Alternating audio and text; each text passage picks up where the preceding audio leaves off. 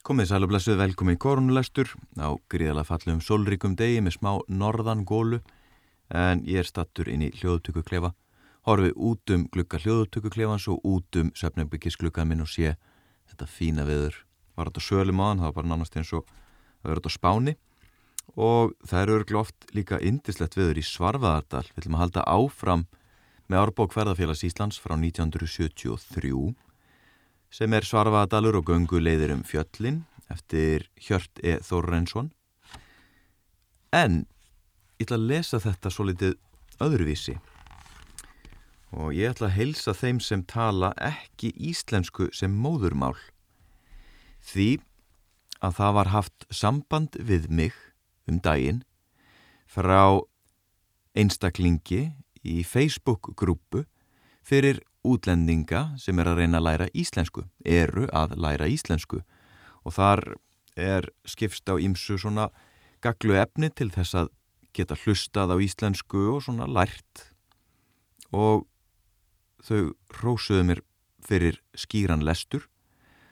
Eh, ég er að tala hægar núna heldur en vennilega en mér þótti mjög vænt um að heyra þetta, eh, heyra þessi orð frá þeim og gleðilegt að lesturinn geti nýst já mörgum og fleirum heldur en bara Íslandingum sem er að hlusta á frásagnir um, um Ísland en þeir sem er að reyna að læra íslensku að þeir kannski geta lært líka meira og lært um landið. Þannig að í þessum lestri ætla ég að lesa frekar hægt, ég ætla að vera mjög skýr, ég ætla að gera mitt besta að vera mjög skýr Ég ætla að tala minna, svona inn á milli, heldur ætla ég meira að lesa beint upp úr bókinni og reyna að gera það mjög rólega. Svo að þið, já, allir auðvitað, en þið sérstaklega sem eruð í þessari góðu Facebook-grúpu og eruð að reyna að læra íslensku, eruð að læra íslensku, að þið getið þá skilið meira uh, í þessum lestri heldur en í mörgum öðrum þegar ég, þegar ég tala svolítið hraðar. Þannig að þessi lestur er fyrir ykkur og vona þið hafið það gott bara eins og ég vona allir hafið það gott á þessum skrítnu tímum sem vonandi eru að fara að verða betri. Við byrjum á kabla, á kabla 6. Á hægri ferð um sveitina um austur kjálka. Í þessum kabla er það ætluninn að taka gestin og ferða mannin við hönd og kynna honum nokkru nánar svarfaðardal og svarfdalska byggð. Frá fórnu fari hefur það verið venja í öllum skrám og skýrslum um bændur og bújarðir í svarfaðardal að byrja á neðsta bæ að austan og halda síðan rétt sælis eftir bæjar röðinni og enda á ysta bæ á uppsaströnd. Þessi regla hendar ekki alls kostar hér en þó skal nú byrja á réttum stað.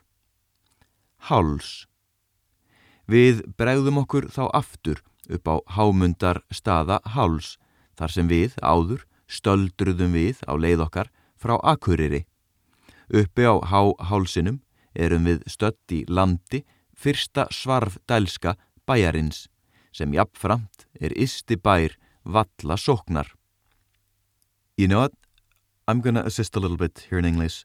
Svarfdælska uh, relates to uh, Svarvaðar Dalur, which is the valley that is in, in question here, or is being written about. And so Svarfdælska is referring, it's a way to refer to the valley, and Svarfdælingar are the ones from this valley. So Don't let svarfdalska throw you off. It all relates to the area. Uppi á háhálsinum eru þið stött í landi fyrsta svarfdalska bæjarins sem jafnframt er Isti, bær vallasoknar. Bærin heitir Háls, dágóð bújörð, engum að því er beitarland snertir. Auk þess hefur hún dálítil hlunnindi. Hlunnindi uh, means kind of these are the things that you could get, uh, for example, uh, if you have fishing, so if you have fish in the rivers or in the lakes, this would be called hlunindi. These are kind of nice extra additions to uh, qualities to the land or driftwood, which is reki, reka, sem bændurnir nýta af kostgefni. Einni er þar nokkur grásleppu veiði. That's a, a fish. Grásleppa is a fish and veiði is fishing. Hálshornið er bísna hátt og í því verpir fyllin, múkin, æg meir með hverju árinu. Agama út á hálshornið og er þar hið fegursta útsýni.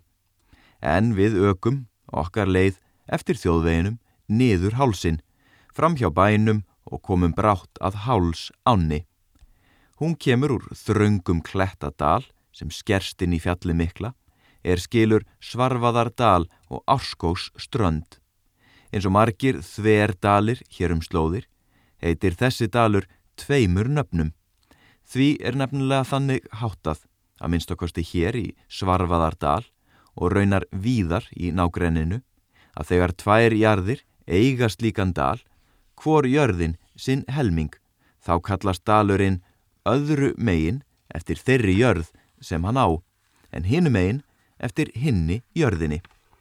That was basically saying when, when, uh, when two farms own a, a piece of land, then the land is named after the, the farm that is adjacent to that part. So it's kind of when they've split a piece of land in, in, in two. Or actually the valley. No, sorry. Yeah, it's when a valley is kind of split between two farms. Þetta þykir sumum aðkomu mönnum heldur hlálegt uh, funny. En okkur heimamönnum finnst aftur á móti bæði eðlilegt, sanngjarnt og hendugt. Hamar.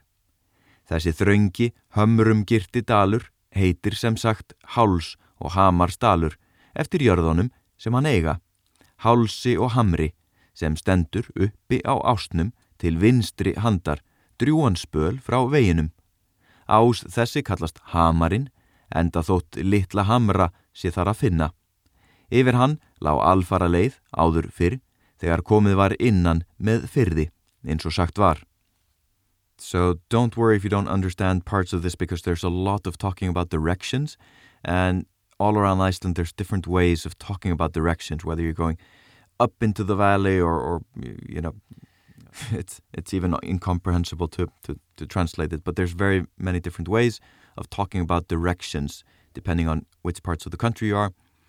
Uh, and so here, of course, there's a certain way of talking about directions and which part of the valley is called what. Hamar, sem er eign Svarfaðardals Reps, er nú í Eyði sem bújörð síðan 1962.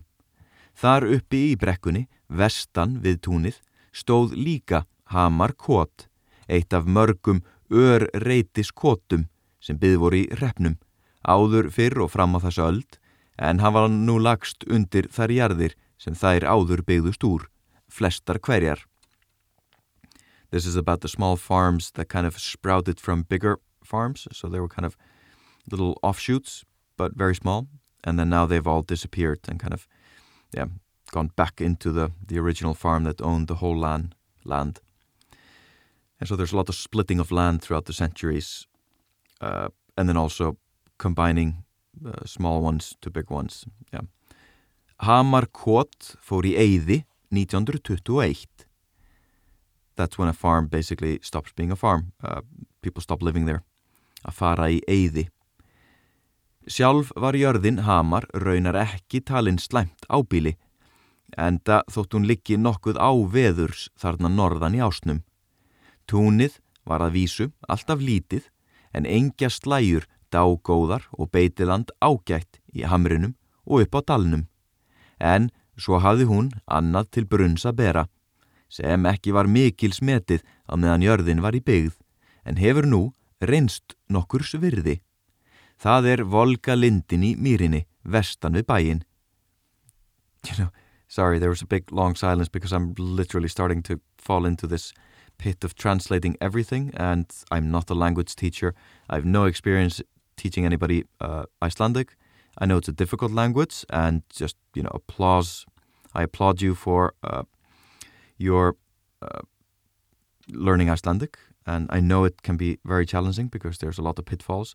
And again, do not feel uh, do not feel bad about not understanding everything here because there's a lot of words that are not in you know common use. It's a little bit of an older language here. But you know, carry on, listen hard, and suddenly it'll just open up. It's yeah, the heavens will, the clouds will part, and sunshine will burst upon you in language understanding. Þar hefur Dalvíkur hreppur fengið að bóra eftir heitu vatni með þeim árangri að þaðan streymir nú heitt vatn sem nægir til að hita öll íbúðarhús á Dalvík, hýbíli 1000 manna. Hrísar. Þegar við ógum yfir hálsana komum við í land hrísa því hamar á ekki land alveg niður á þjóðveginum. Þetta eru svo kallaðir hrísamóar, bísna víðóttu miklir, vaksnir hrísi og lingi. Hrísabondi er nú að brjóta og breyta í tún stórum skákum af móanum. Stórum skákum, skákum, kind of, it, it sounds like chess, skák, but uh, skákum here must mean just patches of the land. En vonandi líður samt langur tími áður en hann hefur útrýmt öllum þessum fögru berja og beitilingsmóum með túnræktar ákafa sínum. Long complicated word, his interest in making uh, fields. Hrísum tilherir hrísatjörnin með talsverðri silungsveiði, hrísahöfðin og víðóttu miklar stara engjar, norðan hans, en víði holmin fagri í ánni, the beautiful víði holmi in the river, sem áður tilherði í jörðinni, var á sínum tíma seldur, sold, undan og er nú í eigu fólks á Dalvík og er hluti friðlandsins. Friðland is a nature reserve. Skálda lækur. Rétt neðan við túnið á Rísum komum við að vega mótum. Crossing in the, uh, what's that, vegamót is like an intersection, not an intersection, but you know, where roads meet. The crossroads, crossroads, thank you. Þar er skildi, sæn, sem ástendur skíðadalur. Nú höldum við inn á þennan veg, road, sem vega gerðin kallar skíðadalsveg. Eftir svo sem 200 metra akstur likur vegurinn upp á all háa melhóla, hill, og erum við þá komin í land skaldalækjar, Poet Creek. There we go, this is a way of, of doing it. So basically you'll have to understand 80% of the words and one and one will be translated. Fyrir alla uh, fulltalandi Íslandinga sem er að hlusta núna, ég bara vona þið að við gaman að átta ykkur á því hvað er merkilegt að kunna tungumál, svona ekki fullkomlega, en að kunna það bara frá blöytu barns beini og minn ykkur kannski bara á það að þetta er tilefni til að ringja í eldri ættingja og spurja um tungumála lærdom. Hefur og amma, frændi eða frænka lært erlend tungumál? Hvernig var danskan þeirra? Var eitthvað sem fór til Þískalands í nám? So for the rest of you trying to understand and learn, I was just pointing out to the Icelandic listeners to call their older relatives and ask them about their language lessons, what foreign language they might have uh, learned throughout their life. Danish, of course, is the one we had to, all of us, learn. I think they just dropped it recently, but it was a mandatory language. That's colonial times. Okay, onwards.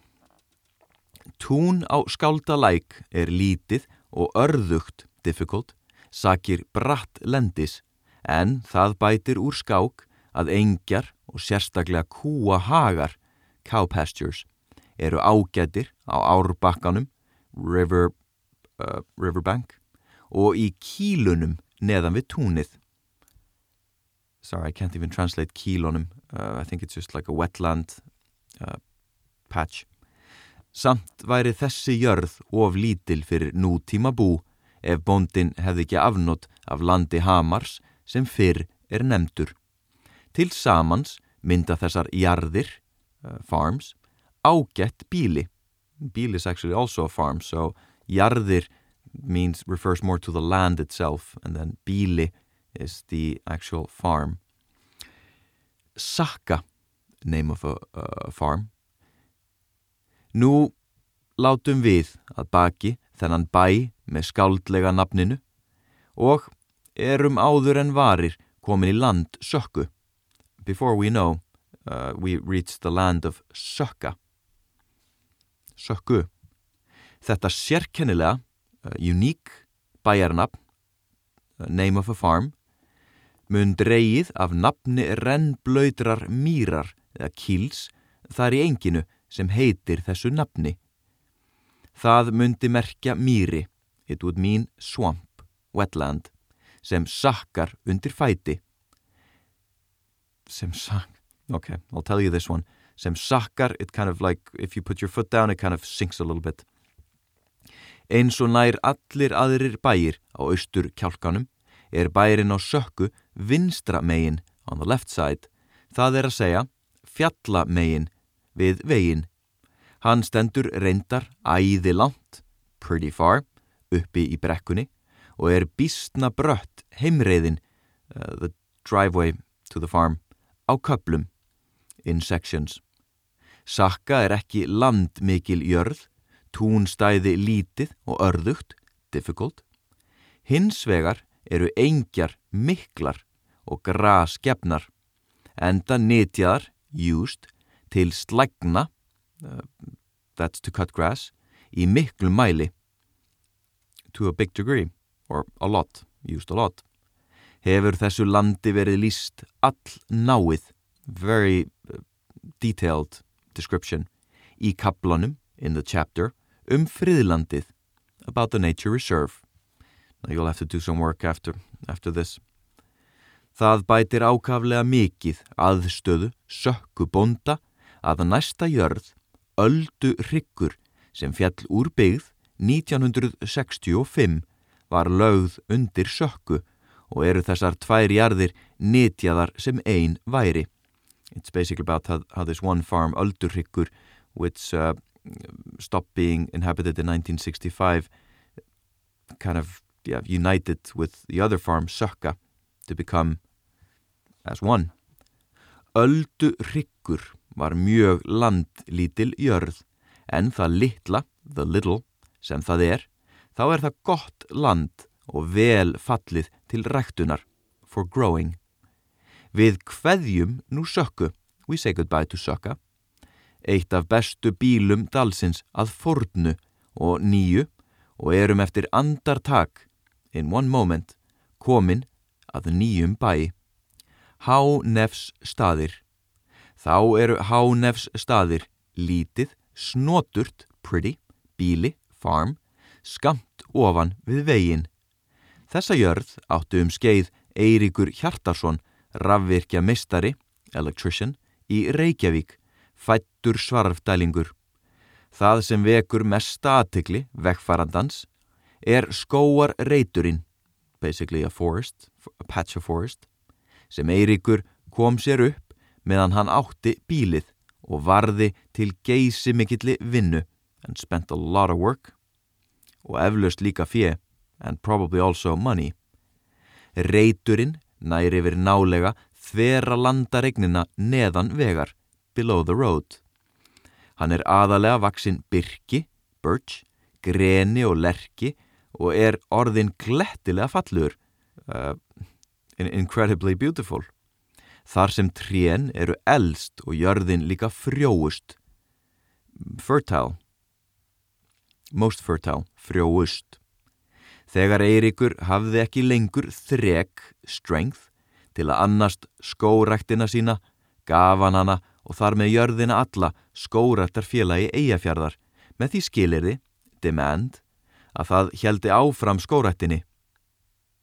Wow, he gave his land to the uh, Icelandic, to the Forestry Association of Eyjafjörður, just the bigger, larger region.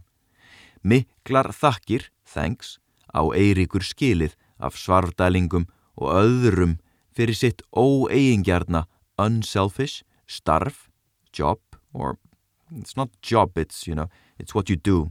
It's not that he had a paid job but it's when you, you do something. What is you don't really have that word have you? It's your effort. Og höfðingskap this is important if anybody's interested in the sagas. Höfðingskap is the kind of if you're a big chieftain to say somebody has uh, it means, you know, you kind of, you hold a big feast and, you know, you kind of do things very properly and you give presents, you know, like a, like a good chieftains. You extend uh, favors and presents and stuff like that. So he did something that was very chieftain-like by giving his uh, farm, or giving that land. All right, next farm. Uppsalir. Drjúan spöl upp í hlýðinni, fair way up into the hill, sjáum við nú annað lítið bíli, uppsali. Bærin, bærin is the same as bíli, it's the farm, stendur uppi undir fjalls rótum og er þaðan útsýni mikið og fagurt yfir miðsveitina. Til skams tíma, for short while, voru þarna reyndar tvö önnur bíli sínu smarri, each smaller than the other. Þau hétu miðbær og uppsala kvot og hafðu lítilsháttar, very little, grasnitjar, uh, fields for cutting grass, enda þótt fjölskyldurnar hefðu aðaltekjur af vinnu utan heimilis, outside the home.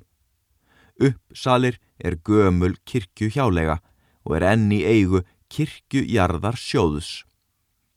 Didn't even know that that existed. Kirkjujarðar sjóðs is Church Land Foundation. Hmm. Probably one of those very powerful and, and wealthy organizations from the church that you never heard of. Uh, next farm. Vellir. Heim í uppsali liggur góður vegur í gegnum tún, field, næstu jarðar. Það er hið gamla, old, prestsetur og kirkjujörð, vellir. Hér er þjett, uh, þykk, húsaþyrping ofan við veginn. Nyrst, the, the most northern, er kirkjan, turnlaus with no tower, eins og flestar eifirskar kirkjur og fremur yfir lætislaus. That means unpresumptuous, not being presumptuous. Yeah, kind of humble, a humble look. Svo lítið puntar þó upp á hana. Puntar is to kind of like dress up or, you know, put on makeup or something like that. So architecturally that's having some kind of decoration, ornament, ornamentation. I'll read this again. Svo lítið puntar þó upp á hana klukkuturnin, the bell tower, sem nýlega var reistur framan við hana til að hýsa to house klukku þá hina miklu sem henni var gefin úr vestur heimi. Vestur heimi is a beautiful word referring to America, so it's western world, so that's across the ocean to the west. Það gerði gamall brott fluttur svarfdælingur Soffanías Þorkelsson frá Hofs á en honum muniði brátt kynnast get to know. Klukkasú vegur nærri, almost, tvö tonn og var til skams tíma, for a short while, starsta kirkjuklukka í landinu en mun nú komin í annað sæti, second place, eftir að Hallgrímskirkja í Reykjavík fekk sína voldugu, powerful klukku. Ekkert rýrir, það samt rýrir, sorry, rýrir is to, like nothing subtracts from the value of this clock. Rýrir is like when something drops in value. So nothing, you know, minimizes the value anyway. Ekkert rýrir það samt, gildi valla klukku og fagur er hljómur, sound, hennar, sem berstum alla sveit á kyrrum dögum. Vallakirkja var byggð 1861 og er talin, is thought to be, elsta bygging sem nú er í öllum hinnum gamla Svarfaðardals reppi. So if anybody is traveling domestically this, this summer, uh, well, if anybody can't travel anything else than domestically, then heading up to the north and finding this church and waiting for the bell to to toll and hear it over a a beautiful, calm summer afternoon. So they're describing how beautiful that is. So maybe that can be a project. Vellir hafa löngum, for a long time, verið ein helsta jörð sveitarinnar, enda var þar prestsetur where the, priests, uh, where the priest was situated, frá öndverðum dögum from the earliest days, kristni, Christianity, í landinu. Allt þar til það var með lögum, with law, flutt til Dalvíkur árið 1969. Þar hafa setið margir merkir, important, or yeah, important. It's not only important, it's, it's more, you know, that they're kind of renowned, yeah, renowned. Og þar var nokkurs konar miðstöð, a center, sveitarnar, löngum og löngum. Löngum og löngum just means for a long, long time. Enda reppurinn áður við staðinn kendur. Valla reppur. Þar var líka símstöð, a telephone station, sett niður um leið og land símin var lagður austan um land árið 1907. I'll translate that for context. Basically, when they laid the land line, land phone that came from Europe in 1907, it came from the East Fjords, and this is where it kind of went when they were going from the east to the west uh, over that farm. Þá var honum valin leið um Svarfaðardal og Heljardals heiði, sveitinni til ómetanlegs hagræðis á þeim tíma. Ómetanlegs is invaluable, hagræðis is, uh, it's when something is, like, makes it better for you.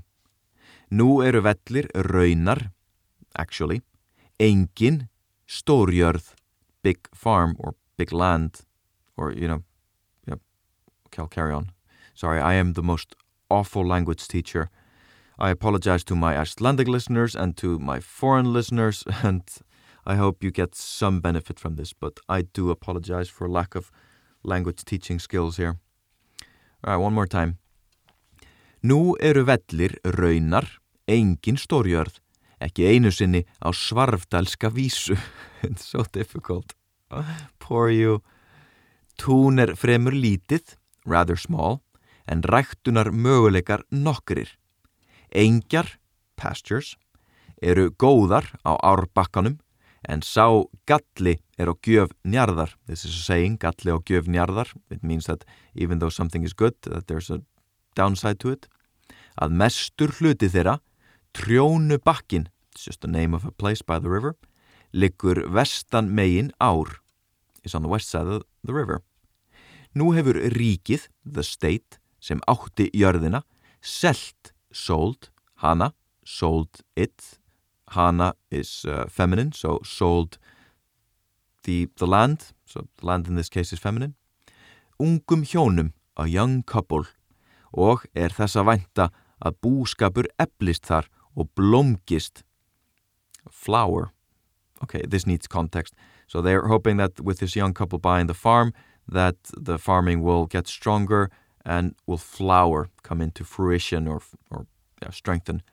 Á næstu árum, you know what that means. Á völlum bjó valla ljótur sem önnur svarfdælska fornsagan, valla ljóts saga fjallar engum um. For those of you really interested and in love with the Icelandic language and the Icelandic sagas, they're talking about that this place relates to the only uh, Icelandic saga that comes from this area. No, one of two Icelandic sagas from this area uh, comes from. That's Vallaljóts saga. I don't know if you can find that translated. I'll tell you a little secret. Uh, I read the Icelandic sagas as a kid in school. We had to do it. You know, it's like you know reading Shakespeare if you live in England, and it was just like oh, you know, it didn't do much for me. You know, when I fell in love or read or discovered the Icelandic sagas, somebody's going to get upset by me saying this, is when I read them in English.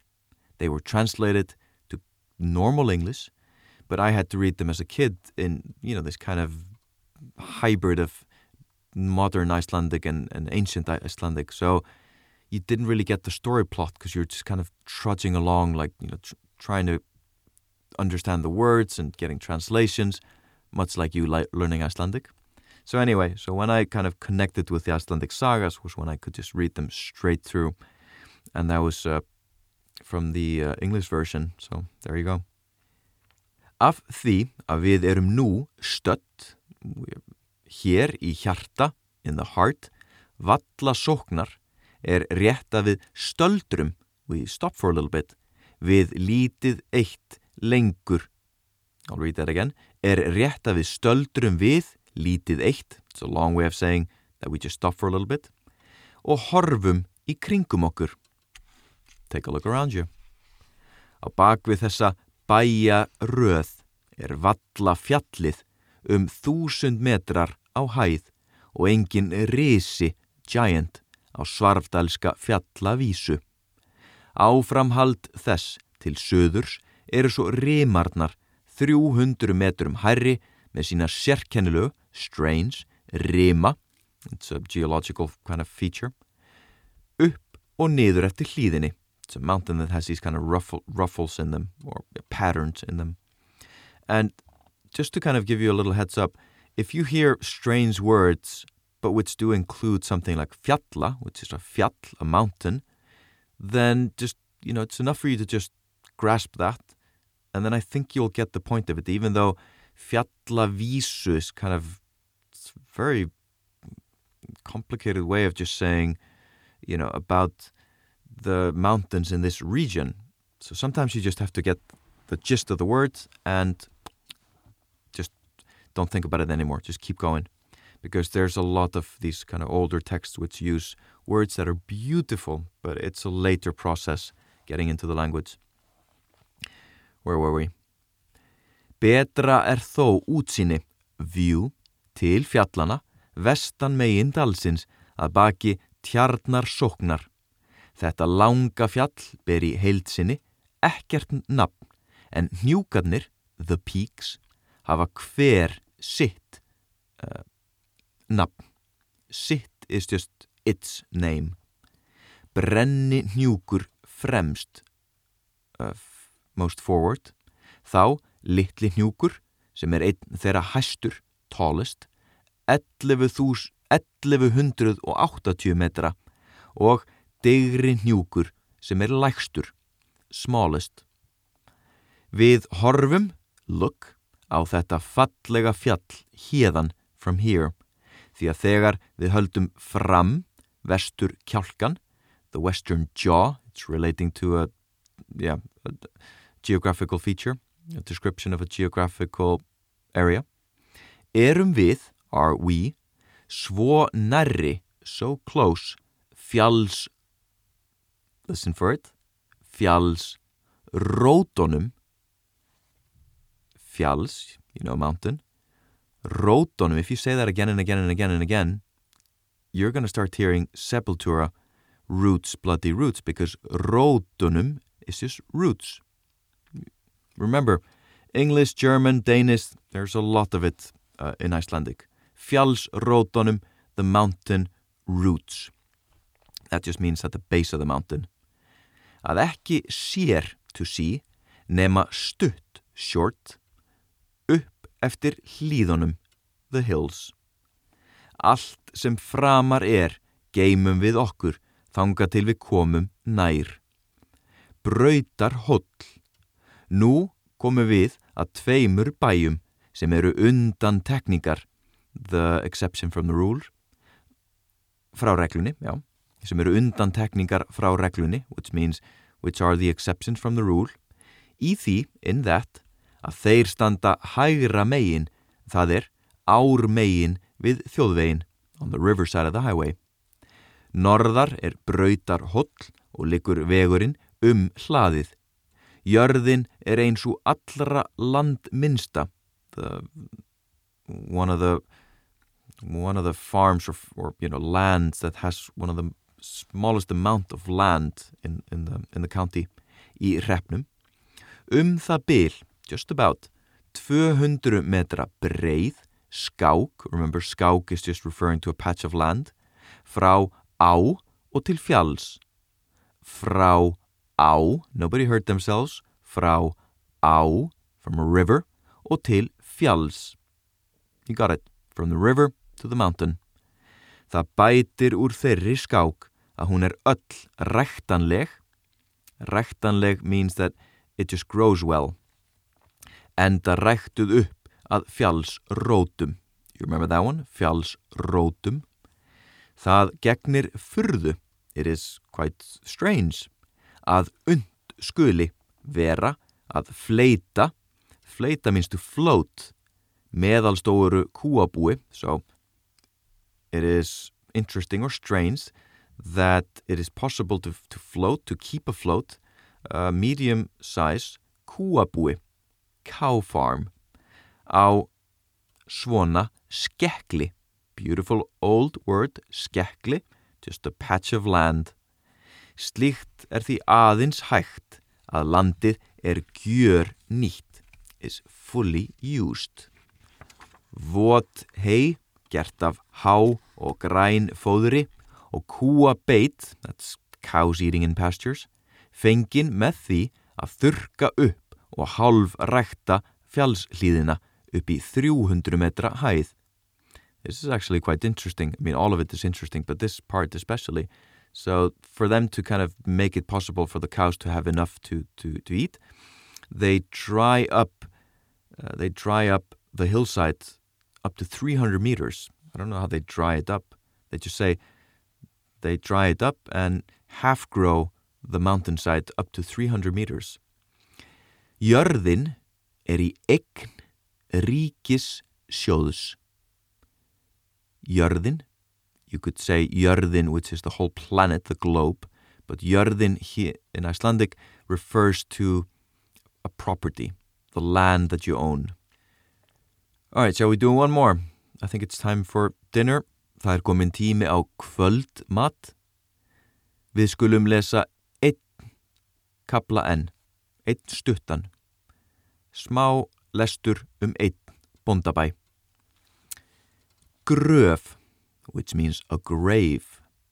Sunnan undir hæðinni sem brautar holl stendur á er annað bíli, gröf. Bæjar húsin, bæjar húsin, don't mix it up with a town. Bæjar means the farmhouses, bæjar húsin.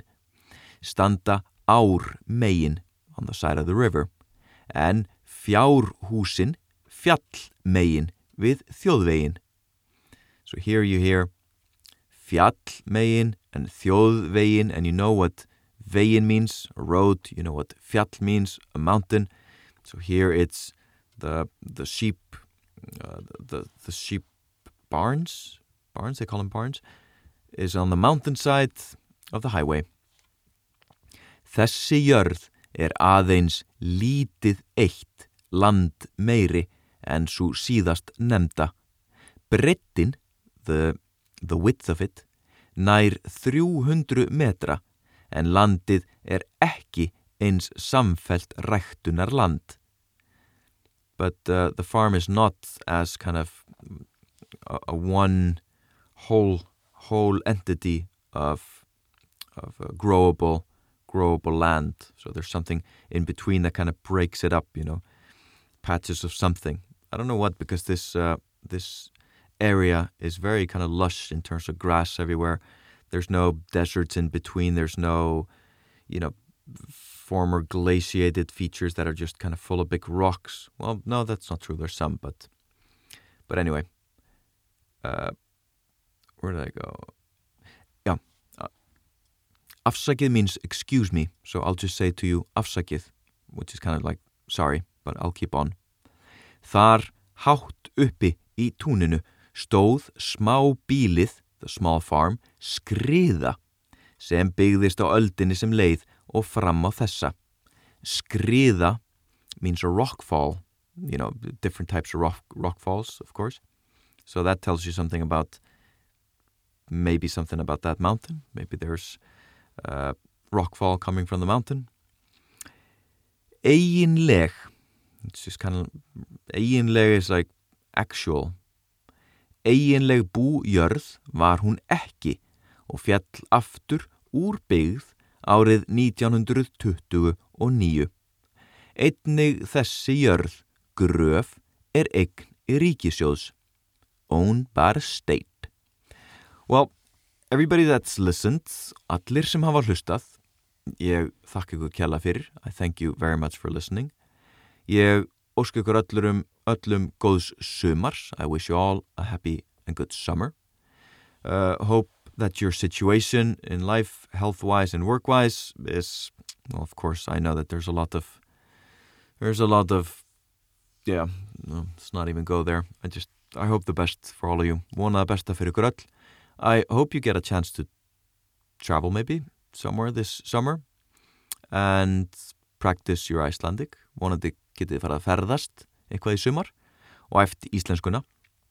Minna það Íslandingar það er alltaf að æfa íslensk, íslenskuna sína tungumáli sitt, bæta það, bæta við. Mér líður oft eins og algjörum bjána hérna lesa upp án handrits og koma með ykkur hugleðingar á vangaveltur og hlusta svo þáttinn í klippingu og heyra ég hef sagt eitthvað sem er, er bara eiginlega já, ekkert eiginlega, það er bara kollránt og þetta er náttúrulega bara þjálfun og æfing, ég er ekkert vittlesingur en þó betri. Stundum er ég for you, those, those of you in English I just kind of made an admission that uh, we should think about the language, how we use it and maybe getting better or advance it because there's always ways of making it more uh, interesting, you know?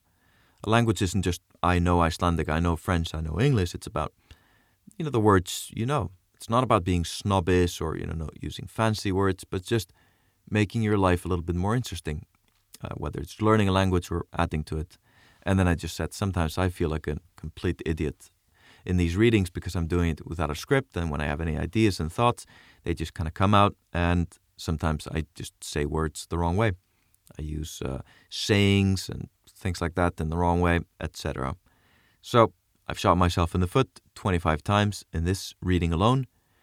But I just wanted to say thank you for listening, all the best, and bless, bless. Verið all blessuð og sæl. Og takk fyrir þólimaðina. Ef einhver hlustaði í gegnum þessa tungumála kennslu, takk fyrir þólimaðina. En ég vil bara minna á að það er magnað að læra nýtt tungumál.